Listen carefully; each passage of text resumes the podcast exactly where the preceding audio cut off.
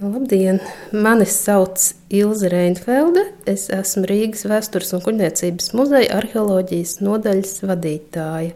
Vai zini, ka Rīgā šahu spēlēja jau 13. gadsimtā? Starp vairākiem desmitiem tūkstošu muzeja arheoloģiskās kolekcijas eksponātu atrodam priekšmetu, kas raksturo spēles un rotaļas, kam senatnē nodevās rīdzinieki. Cilvēks kopš seniem laikiem bijusi pazīstama ar dažādām spēlēm.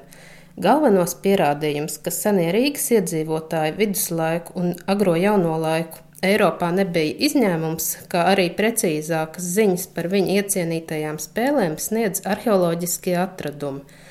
Senākie Rīgā uzietie spēļu piederumi attiecas uz viduslaiku pilsētas pirmsākumiem 13. gadsimtā, bet tie turpināja būt aktuāli arī turpmākajos gadsimtos. Tiek uzskatīts, ka liela daļa viduslaika Eiropā pazīstamās spēles radušās senajās kultūrās - Eģiptē, Divupē, Indijā un citur, viduslaikos vien pārmantojot un nododot tālāk šo tradīciju.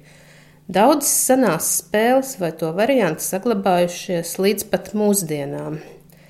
Šodien pastāstīšu par galdiņu spēlēm un to piederumiem. Stratēģiskās galdiņspēles bija vienas no populārākajām spēlēm, ko pazina pilsētnieki viduslaikos un agrajos jaunajos laikos.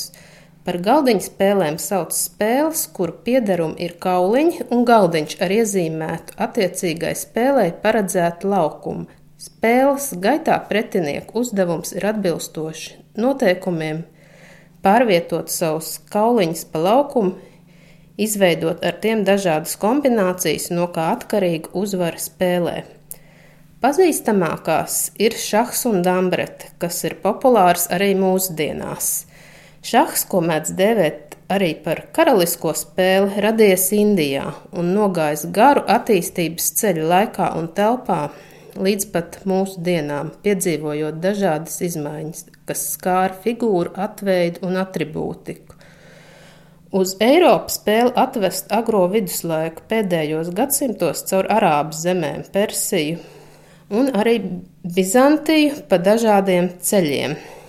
Tā kā līdz Eiropai spēle nonāca caur musulmaņu zemēm, kur aizliegts attēlot dzīves būtnes, šaha figūrām tika piešķirts abstrakti stilizēts izskats. Abstraktās figūras bija arī daudz vieglāk pagatavojamas un lētākas, līdz ar to populārākas Eiropas pilsētu iedzīvotāju vidū nekā realistiskās figūras. Ap 13. gadsimtu Eiropas amatnieki radīja paši savu abstrakto tā saukto konvenciālo šaha figūru stilu, kad šaha kauliņi izgatavot ar virpas palīdzību, kas lielā mērā saglabājies arī līdz mūsdienām.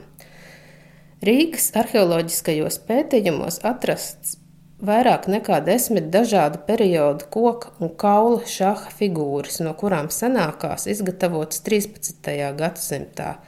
Kaut gan šahu kā izteikti cildenu un intelektuālu spēli saista galvenokārt ar sabiedrības virsslāni, Rīgas atradums seno ciemu vietās liecina, ka jau 13. gadsimtā tā bija iecienīta arī vienkāršo pilsētnieku vidū. Dažas senākās Rīgas koku šaha figūras ir ar roku gatavotas senā abstraktā stila, bet vairums izgatavotas uz virpas.